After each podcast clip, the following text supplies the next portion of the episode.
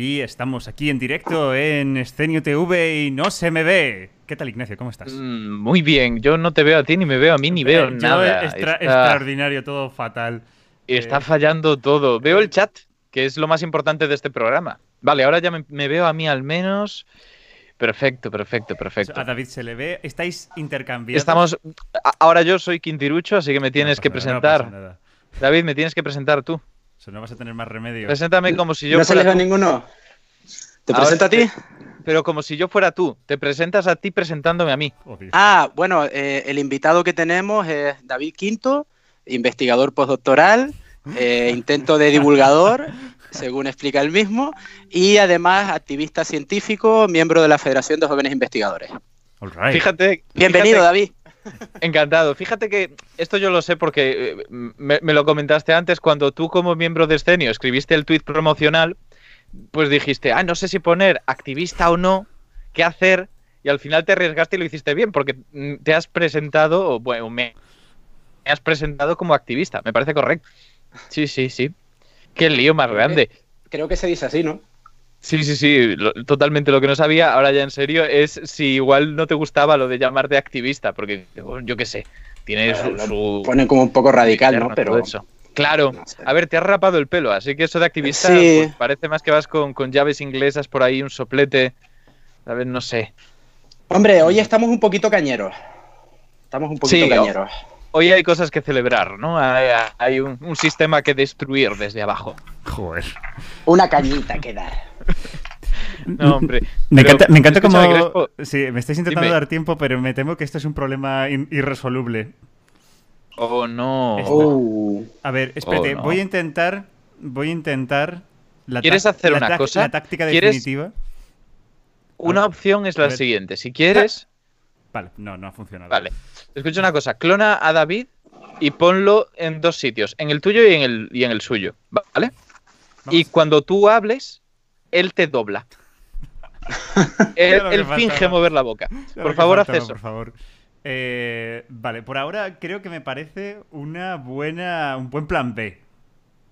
Me parece un Es buen lo plan mejor B. que tenemos. Mientras, desde las sombras, voy Claro. a seguir, voy a seguir intentándolo, ¿vale? Voy a seguir intentando eh, aquí, voy a seguir intentando volver, volver a la luz, aunque, aunque se está siendo, mira. o Uy, sea, espera, dicen que tampoco se te oye, no puede ser. eh, ¿se no, sí, oye o sí, no sí, se sí, oye? se me oye, Se se, oye, me ¿no? oye, se me oye, ¿no? Vale, vale, Joder, vale. sois unos trolls los del chat, ¿eh? Totalmente, no puede ¿eh? ser. Madre Oh, mía. man, oh, man. Ah, oye, pero qué resolutivos somos, ¿eh? Qué rápido hemos encontrado aquí una, una forma de hacer el ridículo para entretener a la gente con el error. Qué bueno. Ostras, yo tengo que hacerle. A ver. Ay, madre mía, qué lío. Sí, Es que sí, porque ya lo tengo aquí en la pantalla. No, no, no, no es eso, sino que estaba viendo. Vale, el chapa es genial, ¿eh? Sí. Sí, sí, ya veo. El caso, eh, muchísimas gracias David por venir, por autopresentarte y por doblar a Crespo, te tenemos pluriempleado. Y vamos a decir una cosa, realmente nosotros lo que queríamos hablar hoy era en parte de política científica, pero más relacionado con la bioética. Y de hecho íbamos a invitar a otra persona que al final pues ha habido un problemilla y no ha podido. Así que doble de gracias a David porque ha estado ahí para el relevo de última hora, para sacarnos de otro problema más que podría haber con nuestro programa. Y, y eso. Así que un aplauso para David. Esos burritos Crespo en el chat porque Por David favor. se ha pasado. Eso, eh, es un placer que, que verte de aquí otra vez, invitado por doble ocasión. Nada, placer mío, muchísimas gracias. Y muchísimas gracias a Jaboaro, que se ha suscrito por segundo mes consecutivo. O sea, cometió un error el mes pasado y ha decidido repetirlo. Le queda uno, por eso de que tropezamos tres veces en la misma piedra, y supongo que al cuarto no llegará. No sé qué tal vamos de suscriptores, ¿eh? pero creo que estamos en un máximo histórico de escenio, más que nada porque estamos en crecimiento muy loco desde hace semanas.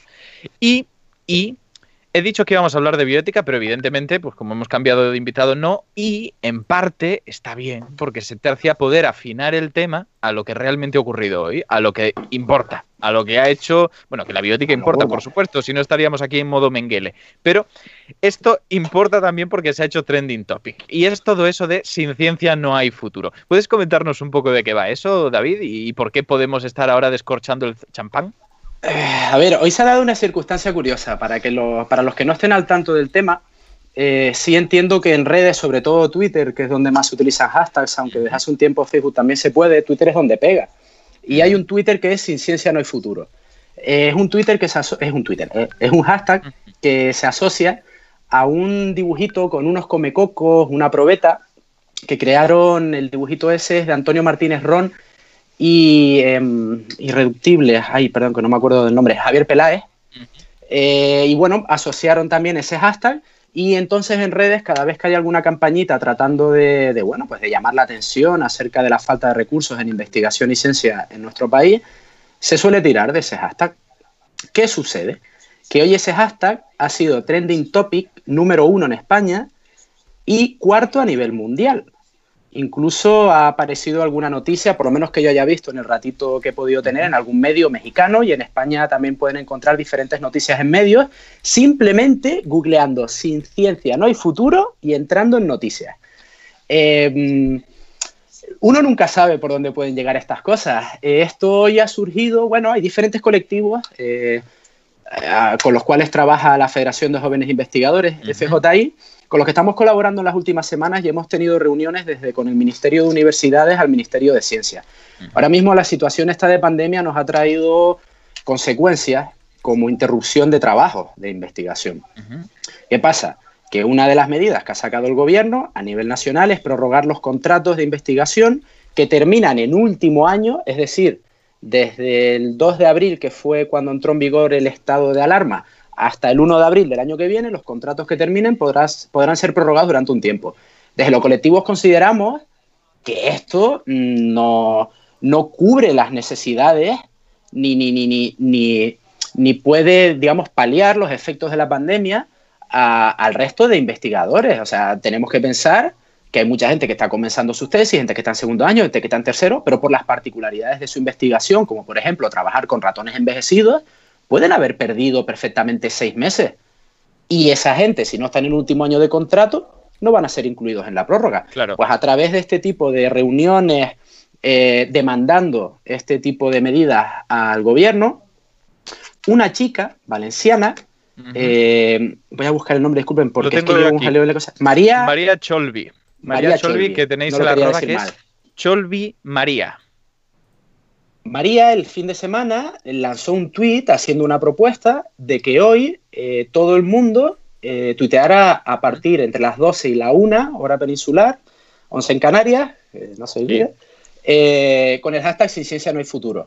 Inicialmente la- el tuit, bueno, fue bien acogido por los colectivos, lo retuiteó Ciencia con Futuro, lo retuiteamos desde FJI y al final nos terminamos planteando que, pues como siempre pasa, oye, uno nunca sabe por dónde puede salir una buena acción y que, y que llegue a tener un impacto potente.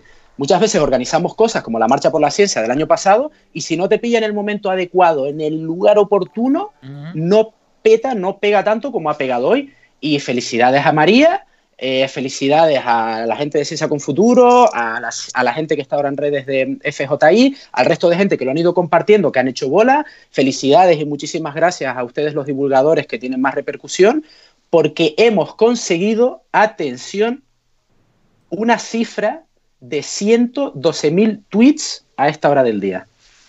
Vuélvelo a decir, vuélvelo a decir y ¿Qué lo pasada? disfrutamos. ¿Qué pasada? ¿Qué Vuélvelo a decir. 112.000 tweets, al menos que tengamos Mira, mira, registrados mira, a través de las aplicaciones a esta hora del día. 112.000, ¿no? Ujú. 1, 2, 3. Una 112.000 locura, una auténtica locura. en el chat. Eh, además, lo importante de esto es que eh, se ha sido trending topic y los políticos y otras personalidades se han sumado a tuitear con el Sin Ciencia No hay Futuro. Ha hemos visto- muy loco. Exacto. Hemos visto desde, pues por ejemplo, Echenique al ministro Pedro Duque y a otros políticos comentando. Y es una oportunidad perfecta para recordarles ahora mismo que sí, que está muy bien, que ustedes ahora también digan que sin ciencia no hay futuro, pero los colectivos les llevamos años, la FJI tiene ya 20 años reclamando acciones concretas y han hecho caso omiso. Puedo decir aquí, públicamente, que la reunión con el ministerio, nos tuvo Pedro Duque, la consideramos que fue un fracaso. Nos dieron migajas y nos dijeron que evaluarían, analizarían alguna de las medidas que les habíamos propuesto avisando previamente, atención, ya nos pusieron la letra pequeña antes, que analizar no significaba llevar a cabo una acción. Con lo cual es un momento perfecto para recordar a toda la clase política, porque siempre tenemos que tener claro que cuando algo sale eh, de este tipo o se aprueban unos presupuestos, no es solo por el gobierno en cuestión que esté en ese momento, sino es el Parlamento entero. Es el Parlamento entero el que aprueba presupuestos, es el Parlamento entero el que debería de una vez pactar, eh, configurar, firmar un pacto de Estado por la ciencia real, no como la pantomima que hicieron hace un par de años, y apostar por la ciencia y la investigación en España más allá de periodos electorales de cuatro años. Claro. Pues me parece un resumen poco resumido, pero muy completo, vamos a reconocerlo. Y voy a aprovechar para decir una cosa, porque nos están bombardeando en el chat algunos con mucha educación y otros con una falta de ella absoluta, pidiendo que hable Crespo. Entonces, Crespo, ¿estás ahí? Hola a todos. ¿Nos estás escuchando? Estoy aquí en las sombras. Vale. Estoy aquí en las sombras, pero sí, me temo que mi cámara ha fallecido en el sentido de que la única manera que tengo de reiniciarla es reiniciando OBS y eso mm. tiraría todo el directo, así que Vaya. me temo, caballeros y gente del chat, que me, que me quedaré en las sombras. Pero estoy pensando, igual lo que podemos hacer es meter a otra persona extra y que te supla. Oh, tú, te pones de voz en off, pero metemos otro vídeo. Oh, oh, oh, vaya, ¿cómo, cómo...? No sé. Vaya, qué, qué, puede casualidad. ¿Una idea? ¿Tienes, ¿Tienes alguien en mente? ¿Tienes, pues, eh, ¿tienes alguna idea? ¿Sorpresa? Es, pues es muy probable que, que, me acabes de decir por WhatsApp sin yo saber. Exactamente, que tengamos a un invitado ¿qué me doble. No puede ser. Eh, es muy probable, es muy probable. Dadme unos momentos que lo invite y. Me parece correcto. Y. A ver, tiquitín. El tema se mantiene, así que simplemente será un poquito más coral que de costumbre, metiendo a alguien más. Crespo, se te está viendo el Skype. I know. Voy a estar, bombardearme. Bombardearme me es igual. Eh. Fuck, ¿cómo se invita a alguien aquí, joder? Vale, espera un momento. Mm. Vamos a cambiar, vamos a cambiar a otra pantalla. Si me dices el arroba, lo, puedo agregar yo. Lo único es que no lo digas en voz alta. Oh, es verdad, es verdad. Dame un segundo, te le paso por WhatsApp. vale. Eh, me encanta porque Nevesu me está diciendo, ponte una foto tuya al menos. Em, en, otro sentido, mientras voy apañando esto, em, un poquito de small talk, a lo mejor desviándome un poco del tema este. Em, ayer vi The Room. Pero, pero ¿qué es esto? David. Mira. David, en plan. Eh, no, no, a ver, lo que sí que tenemos que decir es todo eso de suscribirse que yo había pensado igual esperar, meter al invitado y entonces hacer esperar al invitado para volver a meter nuestro spam. Pero podemos ir avanzando cosillas. Mientras tanto, recordamos que, bueno, pues habéis visto ya que alguna gente se ha suscrito, ¿no? Bajo su propia discreción ha decidido que era buena idea suscribirse a este canal. Y posiblemente sea porque ofrecemos cosas. No, no es suscribirse ahí de gratis, sino que tiene cosas positivas. El 50% de lo que nosotros percibimos se dona a investigación contra el cáncer que está muy bien, vamos a reconocerlo, está muy bien, nosotros estamos encantados. Esas son las formas en las que hay que hacer divulgación, intentando apoyar a la ciencia de todas las formas posibles. A veces es con difusión y a veces es, si se puede, de forma económica. Oh, oh, oh, Voy a... Nevesu ahí, Nevesu ahí regalando suscripciones. Oh, ¿Ves? Mira, Nevesu, Nevesu está ahora mismo apoyando activamente a la ciencia.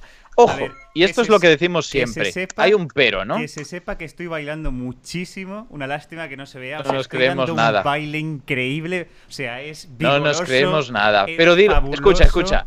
Di, el pero, di el pero. El pero oh, de todo esto. Oh, vaya, ¿quién tenemos aquí? Tenemos a un nuevo jugador. Hombre, ahora él es medio yo, por lo que estoy viendo. No se te escucha, ¿eh? Sí, Fonseca, no se te escucha.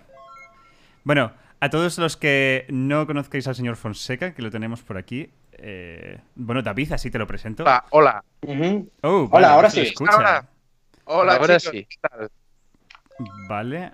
Vale, vale. Vale. Bueno, voy a adelantarme un momento para acabar con eso y luego seguimos con las ventajas de suscribirse. Hay un pero, que es que por supuesto puedes donarnos y el 50% va a investigación contra el cáncer, pero si realmente estás muy motivado y mm, te convence ese tipo de, actividades, tú puedes coger, ir a la Asociación Española contra el Cáncer y hacer la donación directamente a ellos, en cuyo caso será un 100%, que siempre es más que un 50% y por lo tanto, oye, nadie os podrá decir nada, estaréis haciendo lo correcto. Dicho eso, hay aquí otra persona que se ha suscrito, así que muchísimas gracias a Wilco. Sí, muchísimas gracias por todas vuestras suscripciones. Bueno, Fonseca, si me permites presentarte, aquí señor Fonseca es uno de los fundadores del canal Visual Politic, uno de los, o por no decir, el canal sobre política, política exterior, etcétera, eh, más importante en, YouTube. Ah, además, Fonseca es periodista y está especializado en periodismo político, ¿se podría decir así? ¿O estoy diciendo una barbaridad muy grande? Bueno, es tu especialidad, ¿no? Quieras, no, no sé. Bueno, Fonseca, ¿qué las lía en Twitter? ¿Qué las lía en Twitter? ¿Qué ha pasado? Vamos a ver, vamos a ver. Yo, eh, a ver, David, te hemos traído a tu némesis.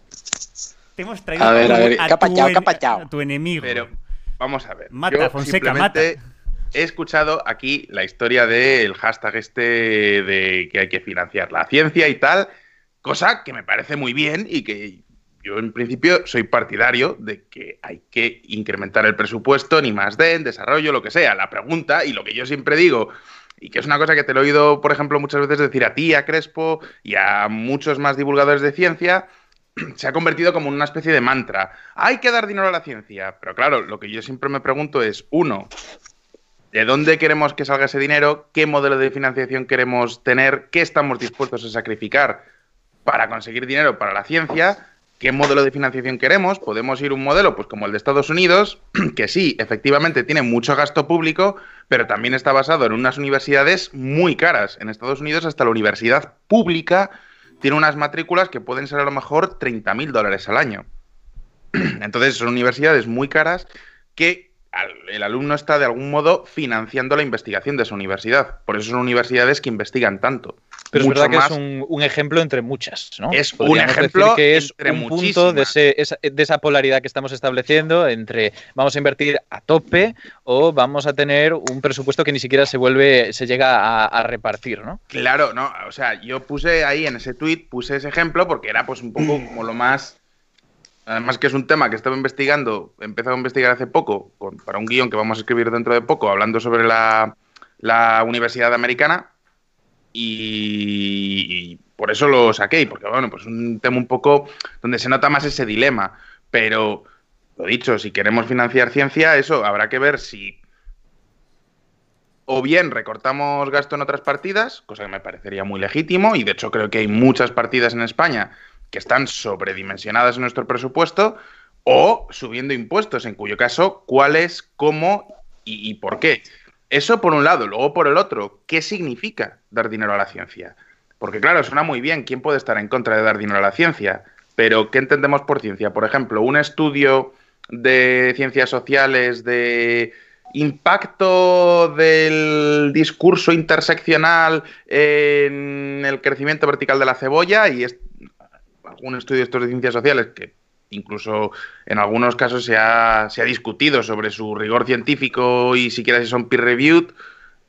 ¿Eso lo consideramos ciencia o no?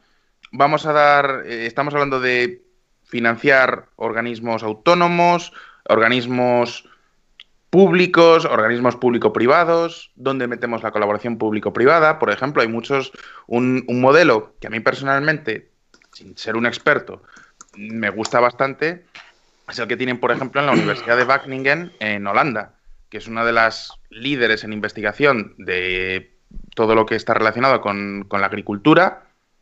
Gracias a tener esa universidad, Holanda es una potencia agrícola, han podido desarrollar un montón de, no solo ciencia, sino también tecnología, gracias a la cual pues ahora mismo es mucho más fácil producir comida que antes y, y es un modelo que se fundamenta en la colaboración público-privada.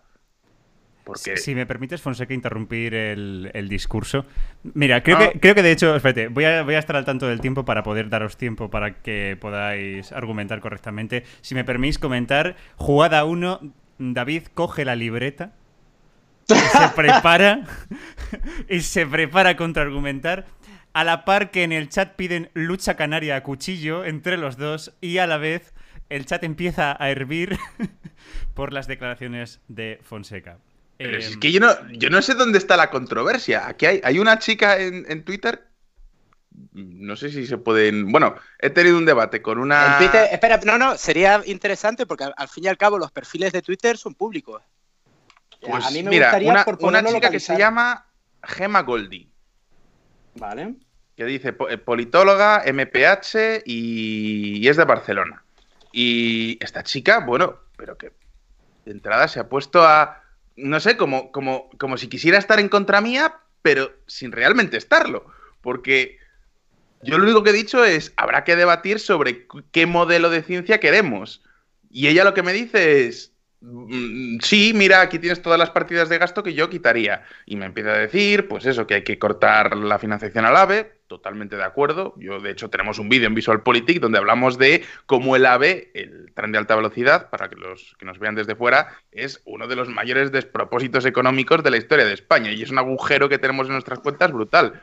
Por, mi parte, perfecto.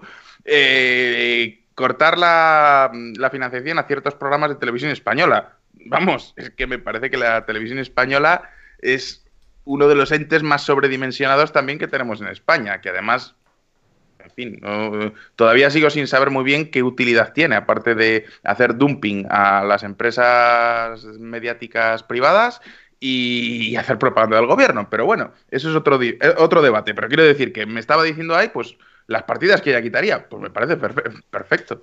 Eh, ahí es donde está el debate sin dar dinero a la ciencia, yo creo que nadie en principio estaría en contra. Mm, no te creas. Completamente en serio. O sea, precisamente me he encontrado con gente que dice que el dinero que se da es más que suficiente, lo que no se invierte en donde se debe. De hecho, hace no mucho, eh, bueno, justo en enero del año pasado, en una participación que hice en equipo de investigación, precisamente hablando de la precariedad de los científicos españoles y explicando, entre otras cosas, que no es por culpa de los propios grupos de investigación, que es que, a ver, nosotros también tenemos que tener en cuenta muchas veces cómo tenemos el lenguaje entre nosotros, porque al final llega a la sociedad en general de otra manera, ¿vale? Y yo creo que a todos los que nos dedicamos a la investigación siempre ha habido un padre, una abuela o una tía que haya dicho, y tus jefes no te pueden pagar más. Y tienen que entender precisamente que los sueldos que nosotros cobramos eh, vienen o a cargo de proyectos o a cargo de partidas de planes nacionales con lo cual, el dinero viene directamente de arriba. Eh, ahí es cuando sí creo que tenemos que tener mucho cuidado. A mí me parece interesante que tú propongas a ver de dónde quitamos, pero sí que observé lo que se había liado un poquito en Twitter y creo que hay que ahí sí tener tacto en decir, vale, ahora vamos a ver cuál es el siguiente paso más que damos. El siguiente paso más que damos, habemos diferentes colectivos que precisamente trabajamos en eso, haciendo política científica. No solo eh, presentamos quejas, pero sí que para llamar la atención de la sociedad tienes que presentar la queja, tienes que ser llamativo y luego las negociaciones se llevan a cabo de forma institucional. Como comenté antes, que como tú no habías entrado, no, lo, no lo estarías viendo, entiendo todavía, hemos mantenido reuniones esta semana tanto con Ministerio de Universidades como de Ciencias. Básicamente te dan largas. Y luego, en cambio, Duque consigue, creo que fueron como 700 millones para la Agencia Espacial Europea cuando a nosotros nos dicen que no se pueden cambiar partidas. España tiene un problema. España tiene un problema gordo con el tema de las partidas. Y es que ahí hay un juego que ellos sí saben cómo moverlo. Otra cosa es que políticamente no les interesa. Tuve una bueno, yo no tuve, perdón, a través de la cuenta de la FJI, con el borrador de presupuestos en 2018 de Unidas Podemos con PSOE, eh, eh, por ejemplo, ahí aparecía un aumento del 6% en inversión en I+, de Magi.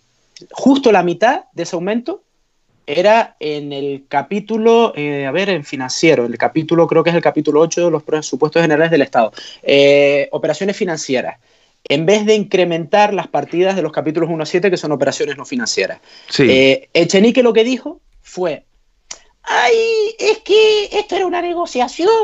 Claro. Y en todas las negociaciones hay que ceder, por eso cedimos con el PSOE, pero al final se maquillan los presupuestos. Ya, ya, pero es que eso, eso es su excusa. Pero a mí no me dice, pero a mí no me dice el por qué, el por qué realmente se hace de esa manera, cuando ellos sí saben que al comienzo de la crisis habían, creo que eran en torno a eh, unas 3.000 y poco empresas que eran capaces de asumir el solicitar esa financiación. Un grupo de investigación mediano, incluso grande, no puede. Y el PP, eh, es cierto que los primeros recortes fueron en la última legislatura de Zapatero, creo que los últimos presupuestos, ya cuando entró el PP fueron los hachazos salvajes y consiguió mantener esos números de porcentaje del Producto Interior Bruto, eh, manteniendo esas partidas de operaciones financieras en detrimento de las no financieras. Y así parecía que no caía tanto, pero el hachazo fue bestial. Por eso sucede que en España no se llega a ejecutar. Fue un hachazo en todas las cuentas públicas también, ¿eh? O sea, pero sí. Claro, pero entonces te tienes que preguntar qué plan de país tienes, porque otros países lo que hicieron fue o mantener la inversión o incluso, es que el hachazo lo tienes que meter, porque si el Producto Interior Bruto de un país cae, la inversión va a caer en todas las partidas. Ahora, mantener el porcentaje, ¿por qué tienes que bajar el porcentaje? El problema es que en ese entonces estábamos en un 1,4% del PIB y actualmente nos encontramos en torno al 1,2% y a través de esas trampas de dónde distribuir las partidas nos hemos quedado en que se ejecuta menos de la mitad de lo presupuestado. es decir, el dinero está. Si se ha quitado de la ciencia es porque se ha metido en otro sitio. O sea, el problema no es saber de dónde se ha, de, de dónde se debe quitar. El problema es por qué lo han quitado de la ciencia y la investigación cuando saben que esto es una inversión a medio largo plazo y además de lo que se invierte en ciencia, ahora mismo no tengo ningún estudio delante para poderlo referenciar, pero podríamos hacer un comentario después más adelante, y eh, se estima, los economistas estiman que se retorna un 1,5% de lo invertido. Hostia, si eso no es buena... Claro, no, no, no, no, no. A ver, si... A ver, vaya por delante. Yo soy partidario de que se invierta en ciencia. Y soy partidario de que se tenga un debate porque cuando se hace simplemente un hashtag y un eslogan, que por supuesto hay que hacerlo, y soy...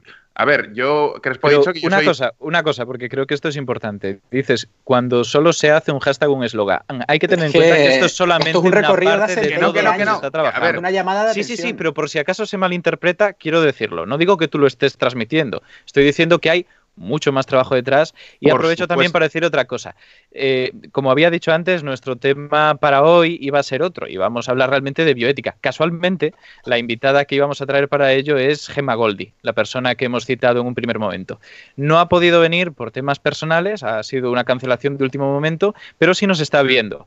Y bueno, pues más o menos voy a resumir que está muy de acuerdo con la defensa que está haciendo David Quinto, le manda un aplauso desde allí, porque, claro, a fin de cuentas estamos hablando de algo que en parte se ha creado por la interacción entre ella y Fonseca en Twitter. Y bueno, pues está bien saber que ambas partes se sienten representadas en el debate, solamente por decir eso. Porque por el chat nos pedían que compartiéramos el hilo, que habláramos de ella. Bueno, yo, yo por de pronto, ya que estoy, ya que aprovecho, pues mira, un saludo, Gemma. Eh, no sé, por lo que veo en tu Twitter, como que con todos mis respetos, me temo que te has creado un hombre de paja, me has metido en el bando de los ultraliberales que están en contra del gasto público y por tanto asumes que yo no quiero gasto en I más D cuando, pues chica, a mí me parece muy bien el gasto en I más D. La cuestión de nuevo es qué modelo. contestando a un tuit que me decías, Gemma, el debate, que dices, no, el debate existe. Sí, efectivamente, el debate yo no lo he inventado y ha existido, se ha dado varias veces y el resultado sistemáticamente ha sido reducir el presupuesto en ciencia. Con lo cual hay que reabrir el debate y hay que hacerlo de forma con un programa que realmente se pueda implementar en el gobierno. Una cosa que me decías, David, es que sí, efectivamente, mucha gente considera que la ciencia... Perdón. no, no, es que mira, sí, sí que hay una cosa que me gustaría puntualizar antes de que siguiéramos, es que estamos cayendo en un grave error y es que estamos focalizando en inversión. Y esto no es solo por inversión, lo de Sin Ciencia en el futuro no es solo por la inversión. Si quieren después, y me encantaría por favor que me dejaran hacerlo, leer los puntos del manifiesto de la Marcha por la Ciencia del 19 de octubre pasado, porque hay muchas cosas que no, tienen, que, no, tienen que ver con meter dinero. Es que ese es el tema. Vale, vale, que no, que no, que no, que no. pero, yo, a ver, déjame un momento que yo hago... Y una puntualización más. Si vamos a hablar de dinero, solo tener en cuenta una cosa. Lo de aumentar la inversión hasta el 2% del PIB, acercándonos, porque ni siquiera llegaríamos todavía, nos faltaría un poquitín, a la media europea, no es cosa nuestra. En las últimas elecciones generales lo llevaban absolutamente todos los grandes partidos con representación, o sea, todos los partidos con gran representación parlamentaria, excepto Vox, que en su documento... Pues entonces tenemos que pedírselo, o sea, lo que tenemos es que llegar y poner un límite, líneas rojas. No puede ser que todos los partidos hagan eso porque si lo pones, tú tienes que tener previsto de dónde sacar el dinero. Nosotros hemos hecho análisis de todos los programas. Ciencia con Futuro ha hecho unos análisis cojonudos. El dinero se puede sacar. El dinero está ahí. El dinero está. Los que se tienen que fajar por colocarlo donde tienen que colocarlo son ellos. Eh, eso por la parte del dinero yo creo que sintetizo lo que sería mi discurso. Perdona, ya continúa. No, no, no, no, yo sí, sí, me parece muy bien. vale, yo no, eh, es un tema, o sea, vaya por delante. Todo esto es una cosa que esta mañana he puesto un tweet. Ni siquiera es un vídeo, o sea, si fuera un vídeo de VisualPolitik podría responder por ello, tendría datos, habría investigado durante semanas. Esto es un tweet con una opinión. Tampoco es que sea yo aquí un experto, el sabio de las siete colinas en, en ciencia. El día que lo trate en VisualPolitik habré hablado con la gente que toque y lo habré investigado eso vaya por delante. Yo normalmente hablo de las cosas cuando, cuando es mi tema. Ahora pues me he metido un poco en plan espontáneo. De hecho, tengo 10 minutos porque quedo a cenar. Es que me ha llamado Crespo hace media hora. O sea, entonces vaya por delante que, estoy aquí y acabo de llegar a la carrera. Bueno. A pecho descubierto, sácate la camisa. Sí, en ese, en, ese, sentido, tanto Fonseca como David, siento, siento, mucho que esto haya sido como muy, muy por sorpresa, pero es que ha surgido todo espontáneamente. No sé si os arrepentiréis mucho esto. No, no, yo por mí encantado. De hecho, eh, eh, el, el, fango es lo que me gusta. En cualquier caso, os pido disculpas. Y yo, te, y yo te digo una cosa, y es, que yo no fango, es que yo estoy de acuerdo contigo, David, es que yo no sé dónde está el fango. Mira, una cosa sí que te voy a decir. Cuando dices que la gente, eh, mucha gente has oído, que dice, claro, es que ya se invierte de suficiente en ciencia, no hace falta más, y, es más, no está claro que la inversión en ciencia sea tan buena como se dice. Ojo, haciendo de abogado del diablo, puedo defender parte de ese argumento. Y además, precisamente tú, siendo canario, como supongo que eres por tu acento y por la bandera que tienes detrás, eh, es un buen ejemplo. Mira, en Canarias tenéis el Instituto Agrícola Canario, si mal, creo que ese es el nombre, tendría que buscarlo, pero el Instituto Agrícola Canario, que es el que estudia la cabra palmera. Instituto de Ingeniería Agrícola. Instituto de Ingeniería Agrícola. El Instituto de Ingeniería Agrícola, esto además es una historia que la voy a contar, ahora que no nos oye nadie. Eh, el Instituto de la eh, Agrícola Canario estudia una raza endémica de Canarias que se llama la cabra palmera que seguramente la conocerás. En Canarias hay una cabra, pues endémica de Canarias, que es la cabra palmera, de una leche especial y tal. Y hay un instituto que se dedica a investigarla con biólogos, etcétera. Si tú miras casi todos los papers que han salido de esa cabra, esto te lo digo porque trabajé en un proyecto con gente que estaba dentro del tema este de la cabra palmera y de hecho en su día me asesoraron para un, vídeo que hice de VisualPolitik hablando precisamente de la ingeniería agrícola y cómo se financia por los gobiernos en Europa.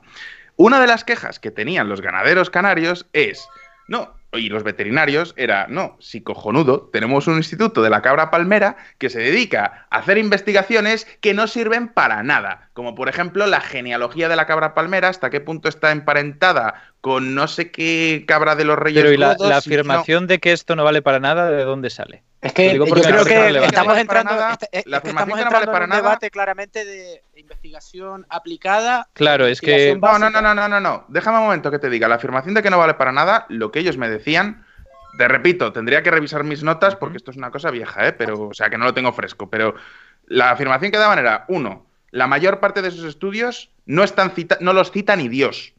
O sea, si tú quieres, hasta donde yo sé, un estudio científico se confirma si es bueno o malo, entre otras cosas, por cuántas citas tiene en otros estudios científicos. Mm. Es un poco más complicado. Realmente eso te puede dar algunos índices, pero hay otras formas de verlo. Eso, por ejemplo, puede estar muy sesgado por la moda. Si yo ahora saco un estudio sobre microbioma, aunque sea malo, lo van a citar mucho más que un estudio sobre, pues como dices, la cabra, la cabra palmera. Aunque, que no tengo ni idea porque no conozco esos estudios, tal vez el entender su genealogía te ayude a entender la genealogía en general de ungulados y te ayude a comprender otras cosas de la evolución que sí que sean posibles transmitir.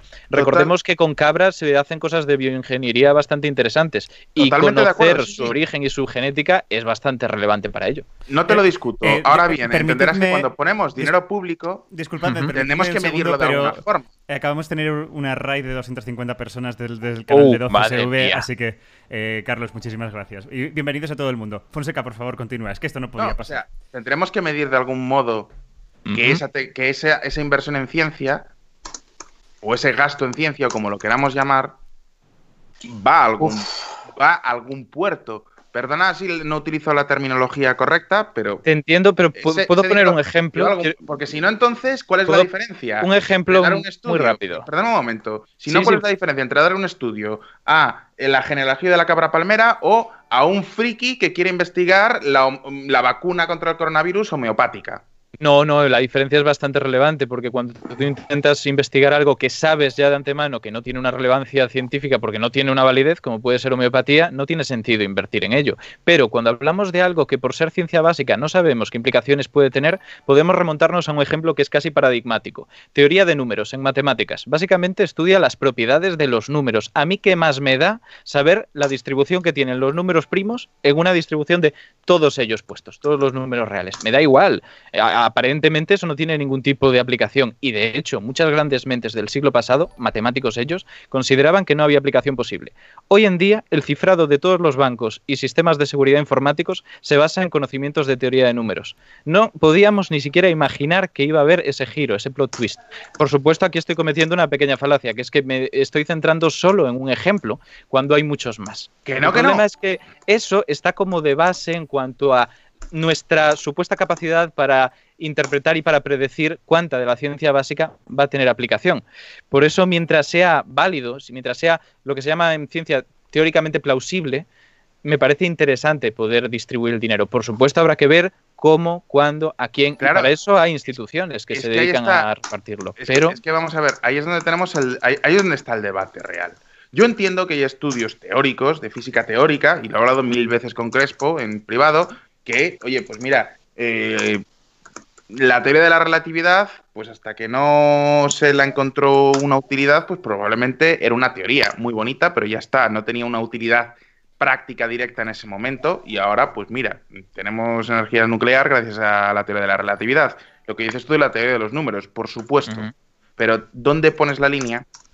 De hecho, mira, los franceses tienen una, una, una expresión que es eh, follar moscas. Que significa, no, no me acuerdo cómo lo dicen en francés, pero bueno, eh, que son todos estos estudios de ciencias sociales. Yo pues vengo del campo de las ciencias sociales, que ni siquiera sé muy bien si son ciencias, pero bueno, yo vengo del campo de. Yo, por ejemplo, la politología no diría que es una ciencia. bueno, depende cómo la aproximes. En todo caso es una ciencia aplicada, si quieres ponerlo así. El pero es que una ciencia aplicada es ciencia. En cualquier caso, yo estudié periodismo, no considero que sea una Clasificar si algo es una ciencia es muy complejo. Ya hemos hablado alguna vez aquí del problema de la demarcación, que es competencia de la filosofía de la ciencia, de algunos criterios como Mario Bunge, que incluye la matemática, otros que consideran que ni siquiera lo es. Pero en principio, si tú puedes aproximarte a través de algún tipo de método científico, que sabemos que hay más de uno, lo suyo sería considerar al menos su conocimiento, si no necesariamente toda la disciplina, como conocimiento científico. Lo digo para puntualizar porque quieras que en no cualquier caso, En cualquier caso, lo que yo te quiero decir es, hay muchísimos, todos somos conscientes de que hay muchos estudios, sobre todo en ciencias sociales, que, en fin, mm, en muchos casos son o bien una ideología hecha estudio, Vale, sí. O, bien, mm, bueno, pues que alguien tiene que hacer una tesis doctoral y le dicen, pues, pues hace un estudio del estudio del estudio del estudio que hizo alguien sobre eh, Picasso. eso, está, eso está pasando ahora mismo. ¿Hasta qué punto eso entra dentro de la inversión en ciencia. Con esto no estoy diciendo que no haya que invertir en números, que no haya que invertir en propiedades de los números, ni que no haya que invertir en física cuántica. Lo que estoy, diciendo es que en algún sitio tenemos que poner una línea. Sí, la cosa es que esa línea en principio se está poniendo con mejor o peor criterio, porque estoy de acuerdo en que hay muchas investigaciones que, bueno, pues si no caen en saco roto es porque decidimos no mirar a ellas, pero son un poco... Pero, eh, pero... Eh, la cosa es que sí, es que creo que vas a ir por ahí. Esto sí se prioriza y es más, han puesto algunas condiciones leoninas para solicitar proyectos, supuestamente para evitar esto, que en realidad lo que hacen es poner grilletes a los, a los investigadores por encima de lo que creo que merecen. Y además, no es eficiente, porque evidentemente siguen saliendo algunas investigaciones un poco raras. Eh, David, perdona. Tiene lógica. No, no, perfecto. Mira, por lo que estabas comentando, Fonseca, el, el tema es dónde pones el límite. Exacto, o sea, es que ese es el key de la cuestión. ¿Dónde pones el puto límite? Y perdón que diga lo del límite porque es que me tiene hasta los mismísimos. Desde hace un tiempo se viene hablando de la investigación de excelencia.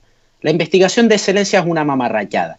Porque si tú pones el límite arriba, arriba, arriba, la investigación de excelencia solo va a ser el 2% de los investigadores. Si tú metes un poquito más de dinero, la investigación de excelencia va a ser el 5% de investigadores, dependiendo de lo que tú consideres excelencia.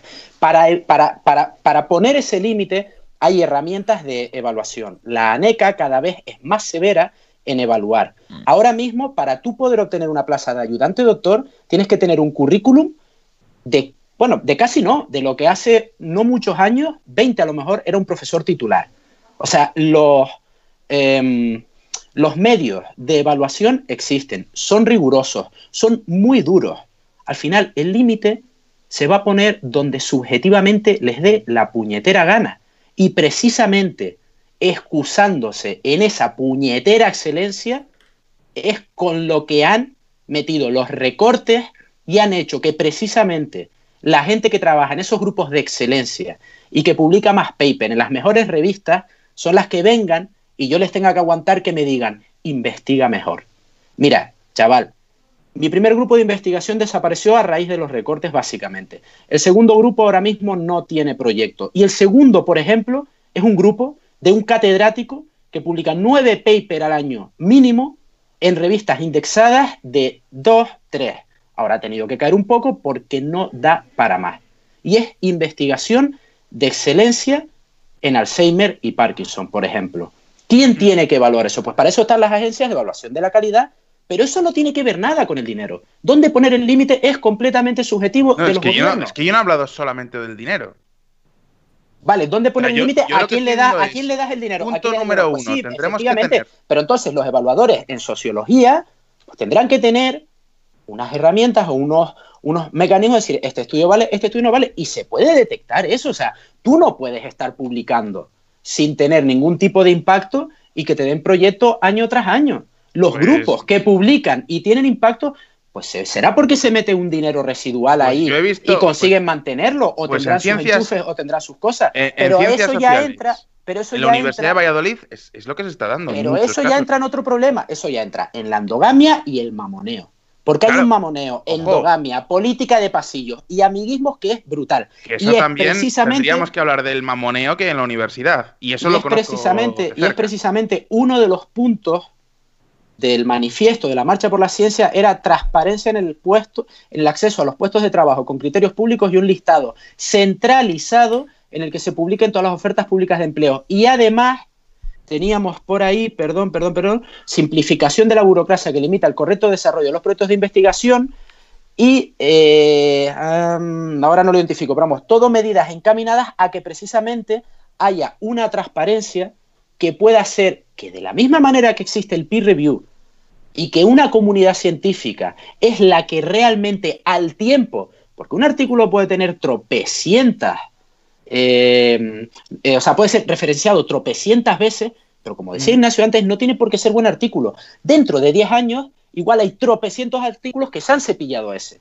La investigación, pues, la investigación es a medio largo plazo. claro, claro, claro. Al final todo se autorregula. Y si los mecanismos fueran transparentes y si no tuviéramos la puñetera burocracia española, se conseguiría que efectivamente las malas prácticas fueran señaladas, fueran detectadas y fueran eliminadas del sistema. Pero no lo hay. Ahora mismo hay un tapón de profesorado brutal.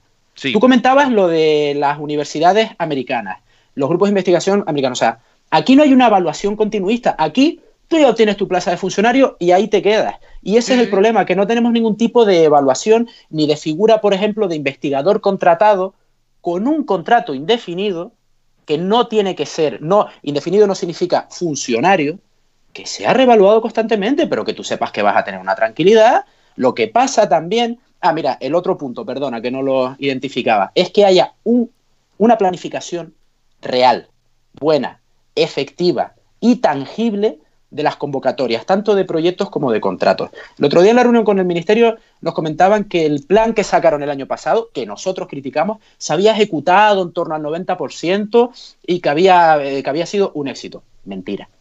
El plan ese de plazos es mentira, no es un éxito. Ahora mismo todas las convocatorias están retrasadas. O sea, es que no podemos vivir con eso. Ese es el problema. Hay que estructurar muchas cosas. Y sí es cierto que sin que el dinero que entra en ciencia e investigación sea ejecutable y sin, digamos, em, dar esa sensación de que se nos da dinero ahí para que estemos investigando, aunque hagamos una investigación de mierda, sino que simplemente haya mecanismos de control que existen. La ANECA cada vez es más dura. Es una pasada. Ahora poder conseguir una plaza en la universidad, si tienes, o sea, con un eh, currículum equivalente al que tiene un profesor titular hace 20 años, ahora mismo es súper difícil conseguir una plaza de ayudante doctor. La gente llega con unos curriculazos así. O sea, eso existe. El tema es que hay que regular otras medidas de plazos, por ejemplo, y de transparencia que no hay. Solo con eso se ahorraría muchísimo dinero, porque ¿sabes qué pasa también? Que a los plazos estar mal, tú, por ejemplo, consigues un contrato X, que si se meten en la web de la FECIT y miran el tochazo de todos los contratos que hay, que está muy bien que la FECIT lo tenga, o sea, no es una crítica a que está ahí, pero hay demasiada variedad. Las autonomías, cada una tiene su plan, está el plan nacional, y al final tienes un montón de contratos. ¿Qué pasa? Que un investigador que accede a un contrato, a lo mejor dentro de cuatro meses rechaza ese contrato porque accede a otro superior o a otro en otra comunidad autónoma porque le gusta más o a otro del plan nacional, los motivos que sea. En el contrato que ya tenía en las bases figura que si rechaza el contrato dos o tres meses después, suele ser las, las cifras, las fechas que ponen, de haberlo firmado, el resto del contrato se pierde. O sea, al final hay un huevo de dinero que no se ejecuta, ahí es donde voy. El dinero está. El problema es articular que se ejecute. Ya con eso pegaríamos un salto cualitativo enorme. Y ya a partir de ahí, si nos vamos quitando de tanto en tanto 14 kilómetros de ave, pues cojonudo. Es que no es, no es complicado, de verdad que no es complicado. Es una cuestión pura, exclusivamente de voluntad política. Y esto es algo que nos dicen los propios políticos. O sea, que yo he tenido reunión con un montón de políticos y estoy hasta las narices de que me mientan en la cara. El otro día lo comenté en una radio canaria. Y lo dije, estoy hasta las narices ya, es que me da igual. Lo voy a decir con estas palabras. O se quitan la careta o hay que decirles que nos están mintiendo en la cara. No lo hacen simplemente por estrategia política con los otros partidos. Punto. Ese es el puto problema de este país. Ya está. En España no se quiere apostar por la ciencia de la investigación. Punto. Es voluntad. Si los partidos quieren, tenemos un documento firmado, que no lo he sacado hoy en redes sociales porque hemos considerado que no tocaba, donde los partidos precisamente firman las medidas del manifiesto por la ciencia. O sea, estamos hasta las narices ya de que vengan a firmar un manifiesto, de que acepten esas medidas y que se las pasen por el forro. Es que es un problema de voluntad, punto. Eso. no hay tu tía. Hombre, y lo, lo del presupuesto ejecutado no lo sabía. Bueno, lo he visto, me, me ha mandado alguien algún gráfico por ahí, pero está. Eh, perdona que me ponga tan bien. O sea, perdona que me ponga. Que no, pero, no es contigo. o sea, es que ya yo, yo ya voy así por la vida. Si es que me parece. Pero si es que estoy de acuerdo.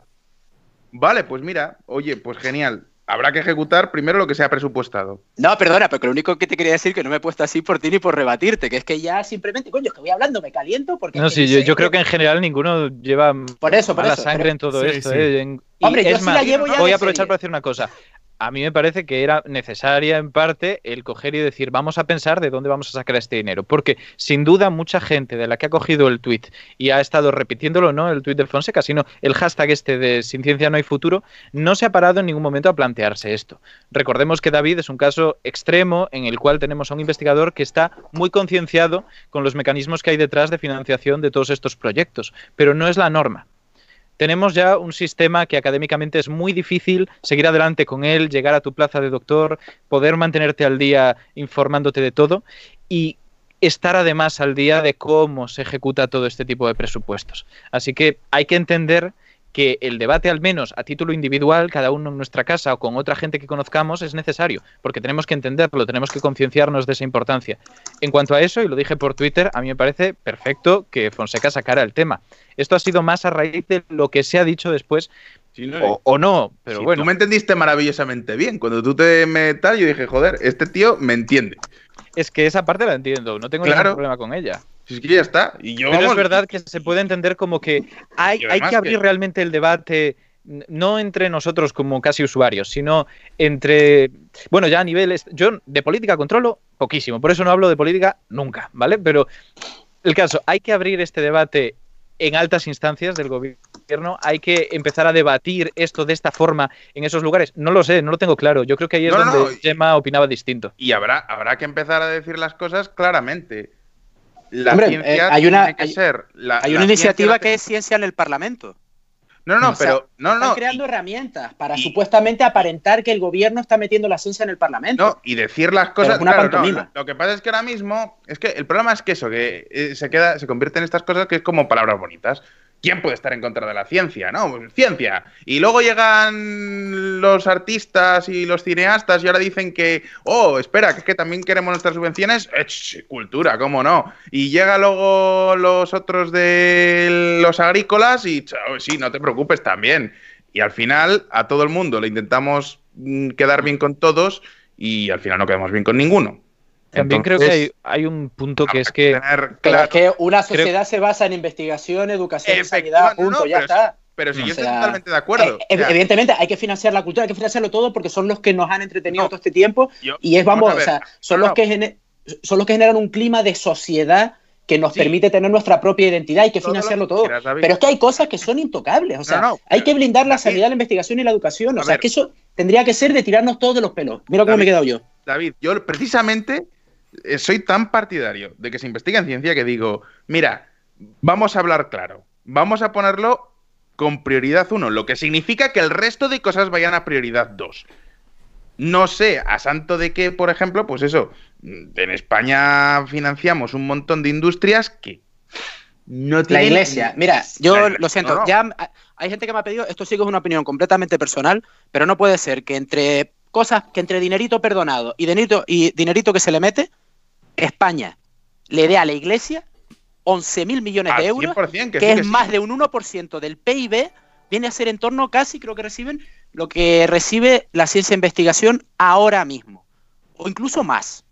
bueno, es, mucho más porque ciencia e investigación se ejecuta menos. Espérate, David, David déjame, déjame, que, déjame que me recree un poco en esto. Lo que me estás diciendo es que si el dinero que le damos a la Iglesia Católica le invirtiéramos en ciencia, ¿duplicaríamos el presupuesto? Mm, mira, no, no, no es que duplicaríamos el presupuesto, es que ahora mismo más que triplicaríamos, casi cuadruplicaríamos lo que se ejecuta ahora mismo. Si se ejecutara todo, entiendo.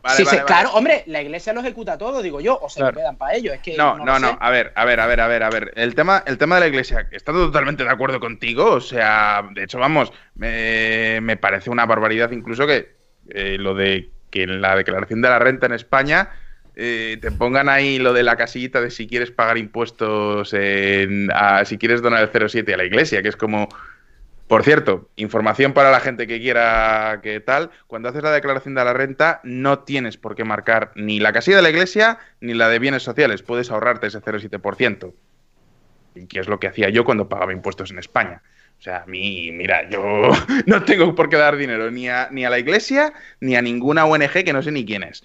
Esa, esa idea de hacerte ese chantaje emocional diciéndote a quién quieres donar dinero, vamos, es que me parece que debería ser inconstitucional. Pero bueno, así, así va. Bueno, déjame hacer un apunte de esto respecto a la, la casilla que no es de la iglesia, sino a las de. Eso también va a asociaciones que pueden ser muy importantes. Por ejemplo, aquí en Madrid conozco una que es una asociación eh, LGTB que protege a gente que, bueno, que ha sufrido maltrato, que ha sufrido condiciones y bueno. En fin, esa casilla sirve para financiar a eso. Igual, ojo, y también la casilla de la iglesia va para financiar Caritas y va para financiar muchas cosas. a mí, que me hagan un chantaje emocional en la declaración de la renta, eh, porque, entonces, mira, entonces yo voy a proponer una cosa también, que parte de que, que esté iglesia, acciones sociales y visual politic, ¿vale? O sea, que, la gente tenga la opción de darme un 0,7% de sus impuestos. Oye, si cae, cae. ¿Sabes cómo te digo? me parece que es totalmente... Entiéndeme que las otras casillas es para interés general en el que caben varias cosas, en el que están colectivos... Eh, colectivos que están... Sí, o sea, no es... A ver, lo que quiero decir es que mm, no, no tienes por, o sea, es interés general. Bueno, hay una serie de controles y de, selección de, asociaciones. Ya te digo yo que a Visual Politics no le dan un duro de eso. También podría. No, creo. Pero porque. ¿Entiendes lo que te quiero decir? Creo que, tienen que, ser asociaciones sin ánimo de lucro, etcétera. O sea, tienen que tener unas características muy concretas. Bueno, a mí es que lo de asociaciones sin ánimo de lucro también podríamos discutir largo y tendido. Mira, Lo que quiero decir es que yo estoy totalmente en contra de que se dé dinero a la iglesia. Estoy totalmente en contra de que se dé dinero a muchas cosas y creo que la ciencia debería tener un lugar prioritario. O sea, es que no sé de qué estamos discutiendo. Todo lo que me dices te lo compro. Y es más, ya te digo, te, te, te, lo, te lo veo y subo. Pues es que, mira, es que todo eso solucionaría gran parte de los problemas que tenemos. La gente que dice que no hay que invertir más porque hay que hacer muchas otras cosas, efectivamente hay que hacer muchas otras cosas, pero hay que invertir. Sueldo, De, los, sueldo de los postdoc, por ejemplo, o sea, la pérdida de poder adquisitivo de los Ramón y Cajal y de los Juan de la Sierva es una vergüenza. A ver, a ver. En, creo que son ocho años, los Juan de la Sierva creo que han perdido un 17, entre un 17 y un 20%, y los Ramón y Cajal han perdido un 23% de poder adquisitivo respecto a eso, creo que eran ocho años. Vale, dos de los programas de postdoc, los, a los top de España, y el Ramón y Cajal, que es de captura de talento, ya sean españoles o no, ¿qué talento vas a traer así? Si tienes a gente que fuera te está cobrando cuatro veces más y que no tiene inestabilidad, supuestamente te... Pues ya está, pues entonces, entonces sí es problema de dinero. Eh, es, problema... es, un problema, es un problema de dinero y es un problema de una, una, una, una, falta de prioridades clarísima, porque entre otras cosas hay ciertas asociaciones, ciertos lobbies y ciertos grupos de presión que tienen mucha presión sobre, sobre los políticos. A saber, por ejemplo, pues eso, la iglesia. Ojo, digo la iglesia y aquí queda como muy guay porque en principio pues todos los que estamos aquí no nos gusta la iglesia, pero también te podría decir toda la, todo el sector del entretenimiento y del cine que no solamente recibe subvenciones, sino que además han permitido que, que les demos un trato fiscal especial. O sea, a la venga, tú vas ahora al cine y, y en vez de pagar un 21% de IVA, pagas un 10% de IVA Because of reasons, porque no sé, aquí en República Checa, donde yo vivo, se paga el, impuesto normal, hasta donde yo sé. O sea, eso de. ¿Por qué? Pues porque hay un grupo que, tiene mucha presión y al final ha conseguido arrimarle las cosas a su sardina y hacer ver que, su, que si su industria desaparece, mm, el mundo se va a hundir y se va a quedar en llamas. La movida, la movida Fonseca es que si, nuestra, si nuestro gremio se hunde bueno, no formo parte del gremio de los científicos y tal, pero si el mundo de la ciencia aquí en España se hunde, puede haber un problema muy grave. Puede haber un problema muy grave. Sí. sí. No, y de hecho, buena parte de lo que pasa en España es que no hay suficiente investigación y suficiente ciencia. Te lo decía el otro, te lo decía antes.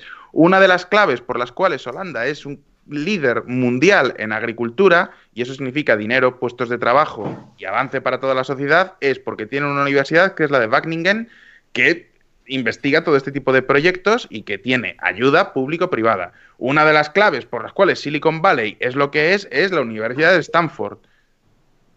Una buena universidad además que tenga buena investigación crea un efecto red que genera alrededor un montón de empresas, pequeñas startups y grandes empresas que dan trabajos, puestos de trabajo cualificados. Si es que vamos a ver, te estoy comprando todo el discurso.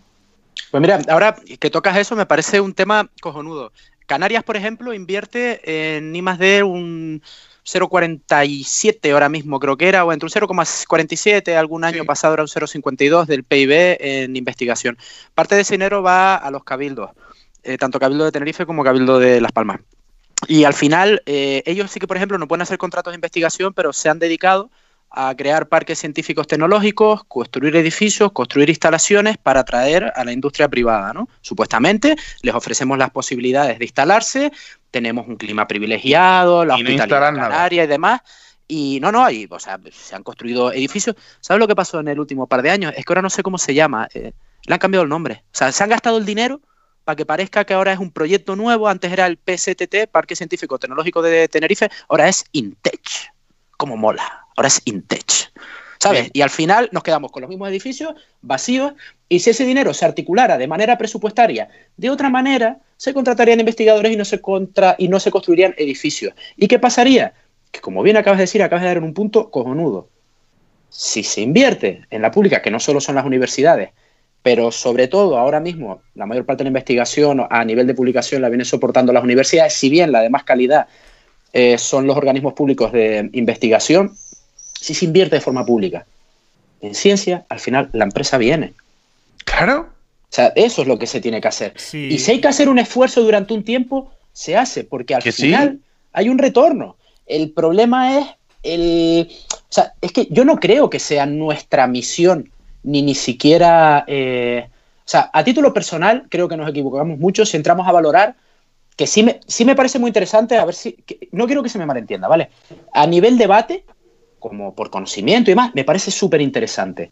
Ahora bien, dentro de una campaña como la de hoy, honestamente, no me parece el momento para generar un debate de esa manera cuando precisamente a la hora de articular propuestas de medidas para los partidos políticos o para la administración pública o para los gobiernos, diferentes colectivos llevan años trabajando, partiéndose los cuernos en relaciones institucionales para podernos sentar con ellos a debatir medidas que a su vez nosotros tenemos que trabajar previamente, como para que en, en una campaña como la de hoy, que la finalidad es poner el foco de atención en la ciencia, nos gusten más los argumentos que se esgriman o no. Llevarla a trending topic en España número uno.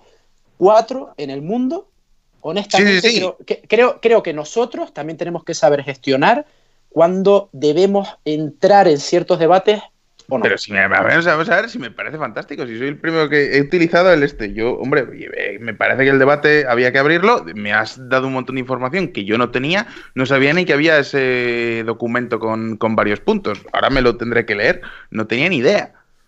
O sea, yo me he encontrado con eso y el manifiesto dice. David, el manifiesto por la ciencia. Sí, hay una cosa que, que creo que hay una cosa que se... Una cosa, perdona un momento, os voy a cortar porque es que a mí me están, me no, que te tenías que ir, te están llamando aquí y yo ya llevo como 20 minutos tarde. O sea, me van a cortar los huevos. Perdona, tío. No, nada, no, no, sin problema. el próximo día, si os parece, pues hacemos me, aviséis con, tiempo y, jolín, podemos preparar un, tema. Y me parece además interesantísimo. Y además, jolín, pues seguro que hay algún modelo más de investigación que se pueda utilizar como ejemplo. Y que no tiene que ser Estados Unidos, que de nuevo, que puede ser, yo qué sé, el programa Yozma de Israel o a saber qué. Pero bueno, Chicos, oye, ha sido un placer, de verdad. Muchísimas eh, gracias. Fonseca, te agradezco mucho que, que sí, gracias por, venir. Y creo que hay una cosa que se, deduce un poco de todo esto, y es que fíjate, eh, fíjate que nosotros damos, David, damos mucho la tabarra con, estas, con este tipo de cosas, damos muchísimo la tabarra, y mi sensación es que Fonseca, con lo oculto que es el tío y lo mucho sabe sobre temas políticos, que aún así, muchas de estas cosas no hemos conseguido que se filtren correctamente a la sociedad. Es, un problema nuestro de todos, ¿eh? Eso es un problema eso, es, un problema, eso es un problema de Crespo que, no me lo cuenta y que pasa de mí. A ver, es que estamos más ocupados hablando de. Yo qué sé. de un montón de mierda. Hablando, hablando, de, hablando de cosas. de, cosas. De, cosas. Dejémoslo ahí. bueno, chicos. Bueno, Fonseca, una vez más, muchísimas gracias por pasarte. Oye, Mm, y, oye, en serio, me voy a leer esos puntos, David, me ha encantado. Eh, bueno, mira, si entras en la web precarios.org, eh, te vas a la parte de noticias y comunicados y ahí verás nuestros últimos comunicados, que es que incluso le hemos presentado a Pedro Duque un informe de cómo poder empezar a reestructurar la carrera investigadora. Llegó al rey, o sea, eh, tenemos trabajos realmente de propuesta de lo que sería trabajo político detrás, ¿no? De, de, no vamos a quejarnos y ya está, sino toma propuestas. Y el manifiesto, bueno, el manifiesto lo acabo de poner aquí en el chat, que no lo verás. Si no lo buscas en precarios, y si no, pues mira, que te den los chicos mi número, que me encantaría poderte pasar estas cosas siendo politólogo. Venga, no, no, no, no, no, oye, me lo leo, me lo leo ahora y, sí, sí, sí, tío, discutimos de esto y me, ha parecido ¿eh? interesante. Oye, tío. un abrazo chicos y, y pasadlo bien en el debate. Yo lo siento que me tengo que ir. No te preocupes, ahora cambiaremos de tema además, así que no te perderás nada. Vale, venga. venga. Un abrazo muy grande, Fonseca. Un abrazo. Hasta luego. Hasta luego. Saludos. Vale, voy a ir deslizando mi foto aquí abajo. Mientras deslizas tu foto abajo, voy a decir que eh, muchísimas gracias a Nada más 2000 y a, que ha habido otro suscriptor, a Grotimon, que se han suscrito los dos durante este rato en el cual no hemos podido hablar. Eh, Felipe, nada más, Grotimon, muchísimas gracias a, y Arespace también. Arespace, muchísimas gracias. Eh, que hemos estado olvidando el chat, ¿eh? pero bueno, no ha habido otra, otra forma. Aquí estaban hablando de cosas que a mí, en parte, se me escapan, porque ya digo que yo como de política no sé suficiente, prefiero no hablar. Yo cuando he intervenido ha sido por tema de filosofía de la ciencia muy básica o directamente ciencia, que es de lo que en todo caso me considero competente para decir alguna cosa. De todos modos, debo decir, chat, oye, os habéis pasado un poco con Fonseca, ¿eh? He visto ahí unas cosas, unas borderías que, que tela, ¿eh? Que telita. el chat es bastante hooligan en general. hoy, hoy también, quiero decir, hoy solamente te querían ver a ti, Crespo. y lo han dejado muy claro. A ver, de todos modos, yo entiendo que aquí los que vemos este programa estamos a tope con la ciencia. Y estamos a tope con la ciencia no solo por una cuestión de dar trabajo, dar empleo, sino también porque es una cosa que nos toca la patata. Es una, cosa que nos toca el corazón, saber más sobre muchos aspectos del mundo. Y entiendo que a veces que alguien dé argumentos sobre cómo podría hacerse de otra manera es una cosa que también nos toca la patata. Pero aún así yo creo que hay que mantenerse abierto a, todo, a toda opinión. ¿sabes? Y, en ese sentido, chicos, he visto algunos comentarios que he dicho, joder, chavales, eh, keep calm, por favor por favor. En cualquier caso, en cualquier caso, David, joder, has defendido la barrica, ¿sabes? La, aquí has defendido la, fortaleza extraordinariamente bien, ¿eh? O sea, mis días. yo, yo voy a decir una cosa. A mí, David, eh, yo ya te conozco desde hace bastantes años y te tengo muy, muy alta estima en este tipo de cosas. Así que no me sorprende lo que he visto. Pero aún así, te tengo que dar un aplauso enorme, pero por cómo alguien que a ver, venimos del mismo ambiente de, ciencia prácticamente. Medicina y biología tienen sus cosas distintas, pero tú has tendido por biomedicina. Yo sé más o menos qué es lo que te han dado en la carrera. Yo sé en qué mundo absorbente has vivido. Y en cambio has sabido manejarte en temas que son de política, de política científica, pero de política, con una soltura que me parece envidiable. Y ojalá todos, y me incluyo, supiéramos un poco más sobre este tema.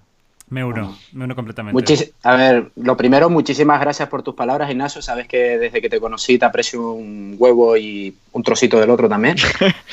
y que, a ver, eh, que tampoco es para tanto. Es decir, al final mm, todo esto surge precisamente de la necesidad y de un problema inicial que tuvimos en Canarias en 2012 para que se hagan una idea de las barrabasadas que hacen los políticos, no voy a contar toda mi historia en política científica, sino es un ejemplo cojonudo. El gobierno de Canarias tenía eh, unas partidas de 5,5 millones a personal, personal de investigación, no solo personal investigador, ahí sí había técnicos, gestores. De repente nos dimos cuenta que en el borrador desaparecía, o sea, no, desaparecía, no, esa partida bajaba de 5,5 millones a 300.000 euros de un año para otro todas las convocatorias que estaban corriendo de predoc, alguna postdoc, los contratos y tal, se desaparecía todo. O sea, si nosotros, yo ese día me di cuenta que si nosotros mismos no participábamos del sistema, eh, nos podían dejar de lado en cualquier momento. A raíz de ahí surgió un pequeño movimiento eh, que fue creciendo y el año siguiente constituimos la Asociación de Jóvenes Investigadores de Tenerife, eh, JINTE. poco después conocimos los movimientos a nivel nacional y de repente nos dimos cuenta que había una cosa que era la Federación de Jóvenes Investigadores, que en ese entonces pues llevaba como unos 15 años. También surgió a raíz de un problema. Y precisamente la FJI es la que ha conseguido a lo largo de estos años que los predoctorales pasen de cuatro años de beca, primero por el 2 más 2, 2 de beca y 2 de contrato, a tener ahora cuatro años de contrato en unas condiciones que los predictorales, vamos, se pueden dar con un canto en los dientes teniendo en cuenta lo que había hace cuatro años. Y aún así, consideramos que tiene que mejorar muchísimo. Eh, no es por atribuirnos méritos a los colectivos, pero sí para explicarles que esto es un, esto, esto es un camino largo y que al final te tienes que dar cuenta que o tú también lo trabajas o el día que tú a lo mejor seas IP, tus doctorandos van a tener contratos de mierda. Y tenerlos trabajando mm. a gusto, uf, cuesta.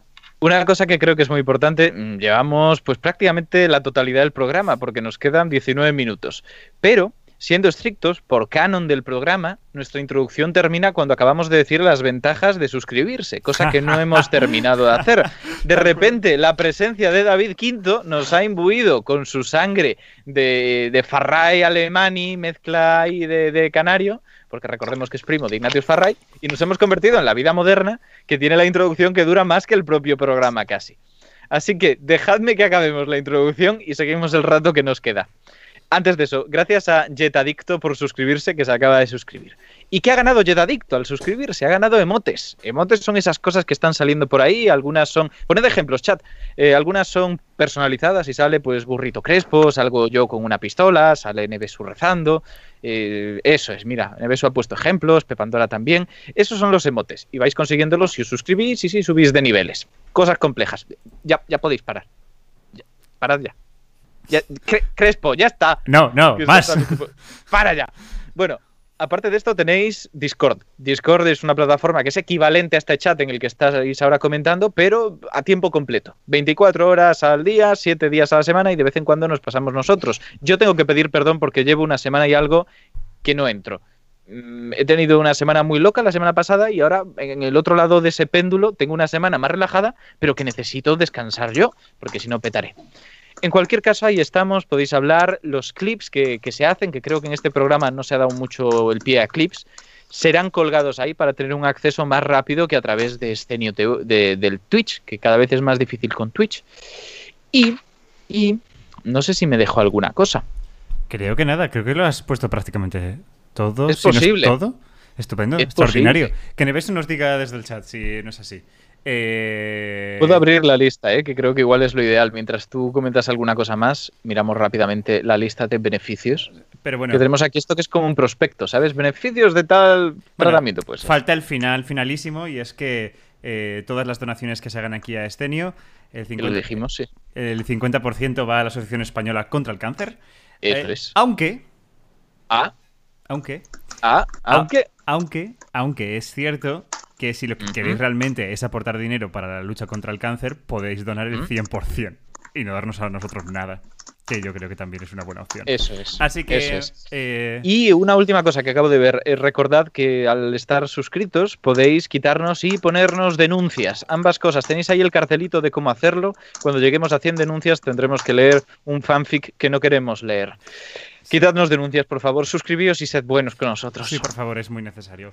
Y bueno, yo he estado cacharreando a ver aquí si puedo arreglarlo de mi cámara, pero me temo que, ya va a ser totalmente 100% imposible. Espera, espera, espera, espera, que, que Nevesu va a hacer algo. ¡Oh, jurado popular!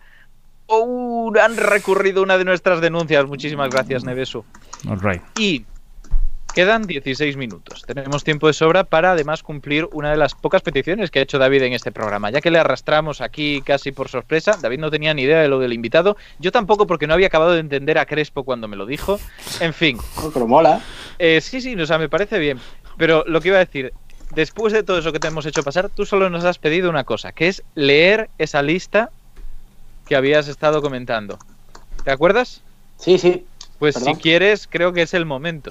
Es el momento perfecto. Es más, ver, una cosa. Si está Roberto mirando ahora mismo el chat, Roberto Teorema Pi, y quiere entrar por Skype para poner su imagen a tamaño completo y marcarse un final de la cuarentena, de aquel eh, directo que hicimos de 40 horas, mientras David narra los puntos, esto puede volverse legendario. Es una posibilidad, es una posibilidad. Pero también, lo digo. Pero también podrías hacerlo tú. Yo, yo, es que no, es lo mismo en mi caso, pero bueno, si quieres, hacemos así. A ver, realmente esto es un plan de, lo que solicitamos ah, espera, espera, espera, un momentito. Que, que Teorema Pi dice que viene. Vale, escúchame. Eh, Roberto, pásame tu enlace, tu arroba de Skype por privado, porque vamos a hacerlo. Resérvatelo porque esto se va a volver mm, icónico. Mientras Navarrete da, o sea, muchísimas gracias por suscribirte. Felicidades también por la decisión. muchas gracias dame un segundo que le estoy haciendo una carátula a David, perdón, a, Roberto, así en real time. Por favor, por favor. Eh, Roberto, Roberto, muchacho, pásame la arroba. No puedes tardar tanto. Pásame la arroba. Mientras, si quieres, comentamos otra cosa y así clausuramos con eso. ¿Te parece? ¿Eh, David? No, yo simplemente lo que te quería decir, que lo de los puntos estos es lo que los partidos aceptaron. O sea, eh, me parece interesante leerlo, aunque pueda ser un poco peñazo, porque al fin y al cabo son medidas que se solicitan a los diferentes grupos políticos para que implementen, sin desgranarlas mucho, ¿no? Eso ya es trabajo posterior. Pero sí que me gustaría para que los que están aquí se den cuenta de lo que son capaces de decir los partidos políticos que apoyan y luego sigue quedando pendiente. Claro, es que me parece muy importante porque a fin de cuentas no lo tenemos tan claro, es lo que decía. Estamos algo desconectados, sabemos si han nombrado más o menos en sus propuestas electorales la palabra ciencia, pero ¿qué es lo que supuestamente habían aceptado y no llegan a aplicar? Eso, eso es una pregunta interesante. Y por eso creo que está muy bien como final, pero claro, podemos darle una vuelta de humor absurdo al estilo de Escenio TV si Roberto contesta. Si no, lo vamos a hacer igual. Así que no, no, yo, era, yo era solo por avisar a ver si tú veías que encajaba, para que supieras lo que pretendía. Claro que encaja, vale, vale, encaja perfectamente. Eh, te estoy escribiendo. Mira, una, una vuelta de tuerca curiosa es que la gente tiene que saber, por ejemplo, si en el plan este de 100 medidas para España, de Vox, bueno, no, ¿qué coño? En el, en el, en el en su programa, eh, estuvimos buscando que había de investigación. ¿Sabes qué había de investigación? ¿Qué había de investigación? Investigación eh, sobre temas de víctimas de terrorismo. Es lo único que tocaban de investigación. O sea, nosotros con eso flipamos. Luego, eh, eh, evidentemente, ese programa se descartó de hacer un análisis, pero sí es verdad que en general los partidos en los últimos años, sobre todo los que se presentaban como cuatro grandes formaciones, PSOE, Unidas Podemos, PP y Ciudadanos, eh, ostras, tío, de que tenían programas que al fin y al cabo podíamos ponerlos todos por encima de un 5. Y al final te ves que no hacen una puta mierda. O sea, es que es tan, es tan surrealista como... ¿Buenas? Hola Roberto, tenemos aquí a Roberto. esto, va a ser legendario. Esto, va a ser legendario. Vale, pues me voy a quitar yo de en medio. Sí, ponga a Roberto pantalla completa. Buenas. Hola, ¿qué tal? Roberto? No sé, creo que ¿Lo veis? Sí, sí, te escuchamos. No sé si él nos escucha. Sí, eh, vamos a presentar rápidamente a Roberto y así también lo conoces, David, que, no sé si conoces a Roberto. En Twitter es Teorema Pi y es un miembro muy activo de Escenio, no solamente porque forma parte del comité de contenidos, que traducido viene a ser pues aquellos que se dedican a ejecutar las faltas leves, las faltas graves, decir quién entra y quién no, los nazis. Aparte de esto, él forma parte del programa que hacéis los lunes de Craft este, que no, nunca sé el nombre, ¿es Ciencia al Cubo o Craft? ¿Cómo se llama eso? Ciencia al cubo, Craft es el servidor. Es, muy complejo todo esto. Eh, entonces, Ciencia al cubo, que jugáis a Minecraft, pero habláis de computación, de, física, de cosas, ¿no? Hmm. Aprovechamos los mods y hablamos pues de, un montón de, temas científicos, desde eh, las leyes de Newton hasta la cuántica, pasando por entre medio por ingeniería, informática y de todo. Y aparte de esto, Roberto es muy conocido en, todo este canal de Estenio TV porque cuando hicimos el directo de 40 horas seguidas por el confinamiento, la primera, el primer fin de semana, después de esas 40 horas ininterrumpidas, terminamos con Roberto mirando a cámara sin decir nada durante 5 minutos y de fondo Titanic tocado con una flauta cutre. Ese fue el final. Y eso está grabado. Lo peor es que yo no escuchaba la música, porque yo lo sé, lo sé. todo y yo estaba en silencio mirando la cámara y luego lo, vi resubido. Exacto. Una pregunta, ¿en qué fase de desescalada estás, Roberto? Aquí yo creo que ya estamos en la, la 3, me parece. Pues mira, para conmemorar eso, que ya estás prácticamente desescalado del todo, tenemos tu momento de mirar a cámara sin decir nada en el principio de la cuarentena y ahora al final de tu cuarentena tendremos el equivalente. Tú, pantalla grande, cara, mirando a la cámara y, mientras David de fondo nos lee todo lo engolado que quieras. Puedes poner la voz más rimbombante que quieras, voy a los puntos. Voy a mejorarlo aún mejor. Porque, no, porque vamos a tener realización loca. Vale. Así que, David. Esto quiero que lo compartáis a saco luego, ¿eh? eh David, cuando quieras. Dime. Puedes proceder a, a leer los puntos. Y yo haré, el resto. Él hará su magia, perfecto. Vale, eh, voy a leer un poquito más de los puntos para que quede bien. Venga. Perfecto, Y, y, engola, engola la voz todo lo que quieras. Haz, las maravillas que se te ocurran. Totalmente libertad creativa. ¿Comienzo? Cuando quieras. Cuando tú me digas. Voy. La recuperación de un ministerio con competencias en ciencia era una propuesta largamente demandada por la comunidad científica española. Sin embargo, sus resultados, aun con avances puntuales, no han cubierto las expectativas generadas y la ciencia no ha asumido una mayor visibilidad en la acción del gobierno. Por ello, y en este caso, ante la inminente campaña electoral, no podemos sino demandar a todos los partidos un esfuerzo real para alcanzar un consenso en torno a decisiones concretas a adoptar como las ya reflejadas en el Pacto por la Ciencia Atención propuesto en 2004 y entre las que se incluyen. Garantizar al final de la próxima legislatura y que se mantenga después un mínimo del 2% del Producto Interior Bruto en la, en la inversión en investigación. Garantizar la ejecución total de lo presupuestado en inversión en I+D dentro de los presupuestos generales del Estado, incrementando la partida en los capítulos de operaciones no financieras, lo que se ejecuta, en detrimento de la del capítulo 8, las operaciones no financieras, créditos, que solo se llegan, no, perdón, eh, de modo que solo se concedan créditos con alta probabilidad de ejecución y así consiguiéramos la plena ejecución de lo invertido en ciencia en, en los presupuestos generales del Estado. Un plan de choque para recuperar el nivel perdido de recursos humanos y la reducción de las edades medias de las plantillas de personal. Asegurar la periodicidad y estabilidad de las convocatorias de proyectos y recursos humanos. Mejorar las políticas de igualdad de género en la contratación de recursos humanos. Importante, elaboración del Estatuto del Personal de Investigación que incluye investigadores, técnicos y gestores, que incluya la carrera profesional para todos los colectivos implicados. Simplificación de la burocracia que limita el correcto desarrollo de los proyectos de investigación. Reducción de la temporalidad del empleo de los investigadores y contratados. Mejora de la movilidad de las y los trabajadores de la investigación entre las diferentes instituciones del sector público, organismos públicos de investigación y universidad. Y transparencia en el acceso a los puestos de trabajo con criterios públicos y un listado centralizado en el que se publiquen todas las ofertas públicas de empleo. Y añado, si todo esto hemos de demandarlo, es porque todo esto son carencias del sistema español de I Un aplauso, un aplauso para Roberto y para David. No me dejéis solo, Capelo, aplaude. Gracias. Ahora sí, ahora sí. la gracia está en que yo tengo activada la cancelación de Nvidia y no vais a escuchar mi aplauso.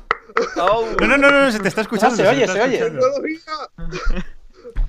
Bueno, Madre mía, y has aguantado sin reír. David, muchas gracias por prestarte la performance. Eh, eh, no le quitamos seriedad a lo que le estás diciendo, por Dios. Eh, Pero a ver, vamos a ver, recordemos que David, yo le conozco a David de Soy un payaso también, o sea, soy mi primo científico. Mm, no quiero hacerle bombo a ahora lo diremos, ahora lo diremos, ahora lo diremos. Pero, ahora lo diremos, ahora lo diremos. Vale, vale. Pues quiero decir que no se preocupen, o sea, tiene que llegar de cualquier manera. Claro, esa es la idea. todas las formas son válidas. Sí, nos conocemos de monólogos científicos. ¿Cómo no íbamos a hacer una tontería así en un directo? Em, has dicho lo de mi primo el científico, porque recordad, que lo he dicho antes, eh, David es el primo Ignatius Farray. Alguna vez había participado en la vida moderna, se referían a él como mi primo el científico o el primo Ignatius el científico. Y aprovechando esto, que ya es parte del imaginario colectivo, pues se ha abierto un canal de divulgación científica en YouTube llamado Mi primo el científico, como no podía ser de otra forma.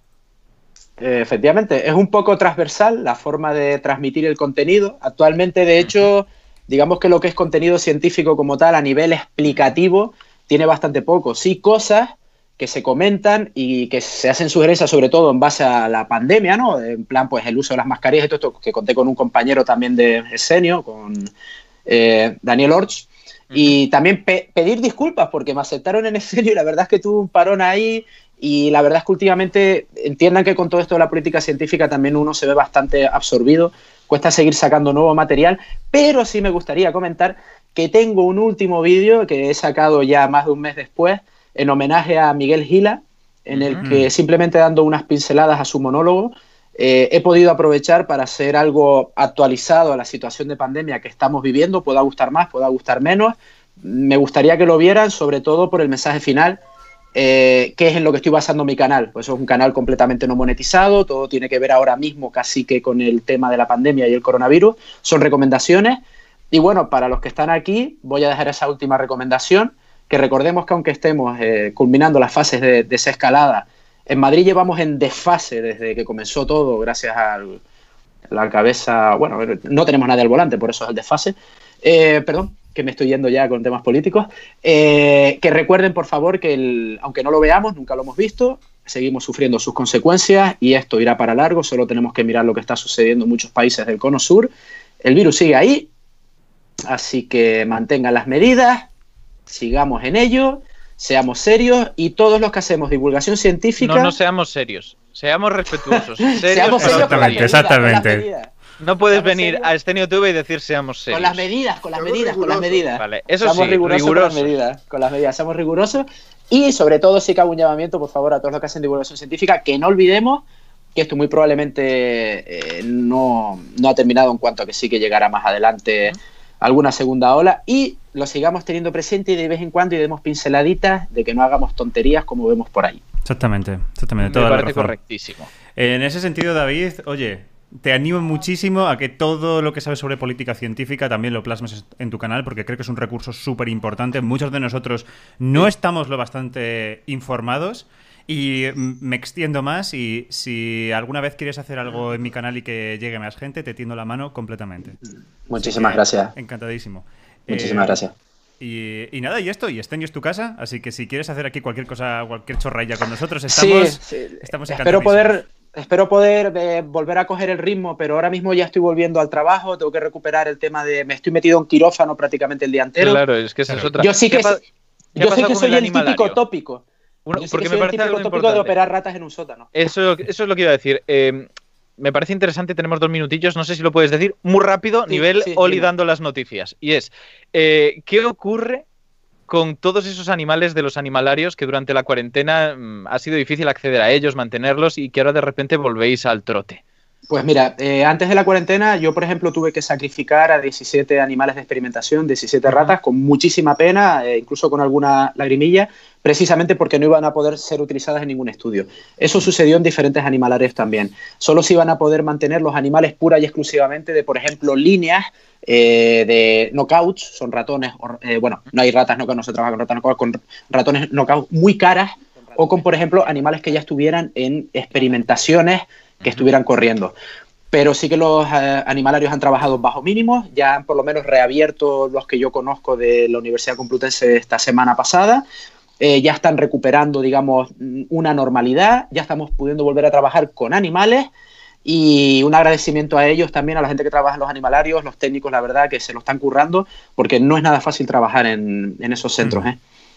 Y ahora mismo el tener que reactivar todo y muchas gracias también sobre todo a todos esos técnicos y compañeros que han mantenido las líneas de ratones sobre todo, eh, de los ratones knockouts, es todo este tiempo y mm. que han tenido también que hacer destetes y muchos sacrificios de neonatos, que eso es muy duro, simplemente porque no se iba a poder trabajar con ellos. Totalmente. Trabajar con me parece, me parece un tema del que se ha hablado poco, por eso te preguntaba. Pero vamos, ya estamos recuperando esa normalidad tenemos que cuando ya pase, cuando ya termine el estado de alarma, el, ahora el día 21, ¿no? ¿Correcto? Eh, ya podremos volver con las medidas de seguridad pertinentes a tener una nueva normalidad. Yo ya estoy trabajando, pero con limitaciones. Entiendo. Interesante. Preguntamos a saber, ¿alguien se ha fijado en la cara de Roberto? Es que es verdad, es que le sale natural. Le, sale natural lo de la inexpresividad. recordemos, recordemos. no, no, ya, ya paremos. Eh, bueno, pues esto sería, esto sería todo. David, una vez más, mil gracias por pasarte. Siempre es un placer.